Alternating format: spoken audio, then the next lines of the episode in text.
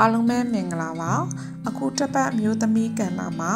ကျမအကြိုက်နှစ်သက်ဆုံးစာရေးဆရာမကြီးတဦးဖြစ်တဲ့လူထုစာအုပ်တိုင်းမှာထုတ်ဝေခဲ့တဲ့မေလူထုတော်မရဲ့ထောင်နှစ်မိခင်ဆိုတဲ့စာအုပ်လေးအကြောင်းမိတ်ဆက်စာလေးကိုဖတ်ဖြစ်ခဲ့ပါတယ် ထောင်နဲ့မိခင်ဘဝတွေအကြောင်းကိုဆက်ဆက်တွေးလို့အခုအချိန်မှာအဝေးတနေရာကိုရောက်နေတဲ့ကျမရဲ့ကျဲလေးကိုနက်နက်နဲနဲတတိတရရှိနေမိပါတယ်။အခုဆို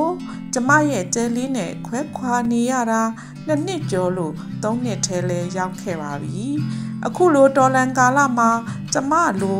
သားသမီးတွေနဲ့ ခွဲခွာနေရတဲ့မိခင်ဖခင်တွေအများကြီးရှိကြပါလိမ့်မယ်။ကျမဆိုတာကလည်းအခုချိန်မှာအနာဂတ်ကိုရင်မာသိမ့်လို့ကျမရဲ့ကျယ်လေးနဲ့အတူတော်လန်စစ်ကိုဆင်နွှဲနေတာပါပဲ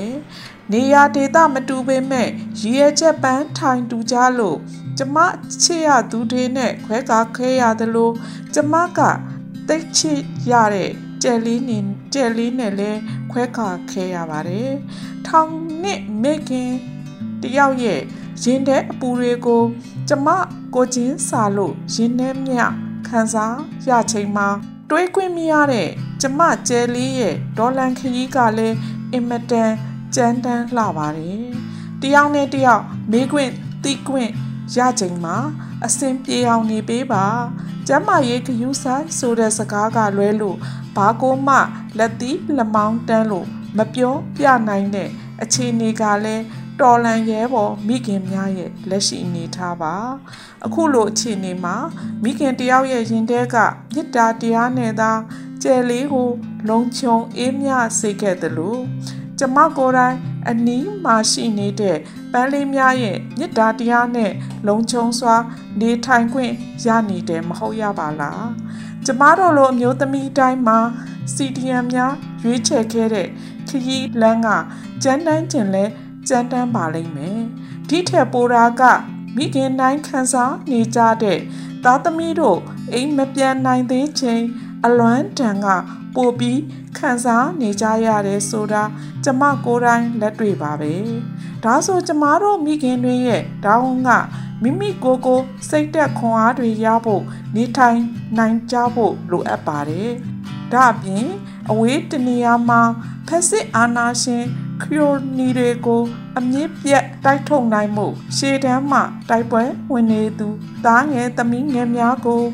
ခွန်အားတက်တီတွေရနိုင်ဖို့ကျမတို့မိခင်များစွမ်းဆောင်နိုင်သည့်အလျောက်စိတ်ဓာတ်ခွန်အားတွေမြင့်တင်ပေးနိုင်ဖို့လဲလိုအပ်ပါတယ်ခုလိုဒေါ်လန်ကာလမှာကျမတို့မိခင်တွေမှ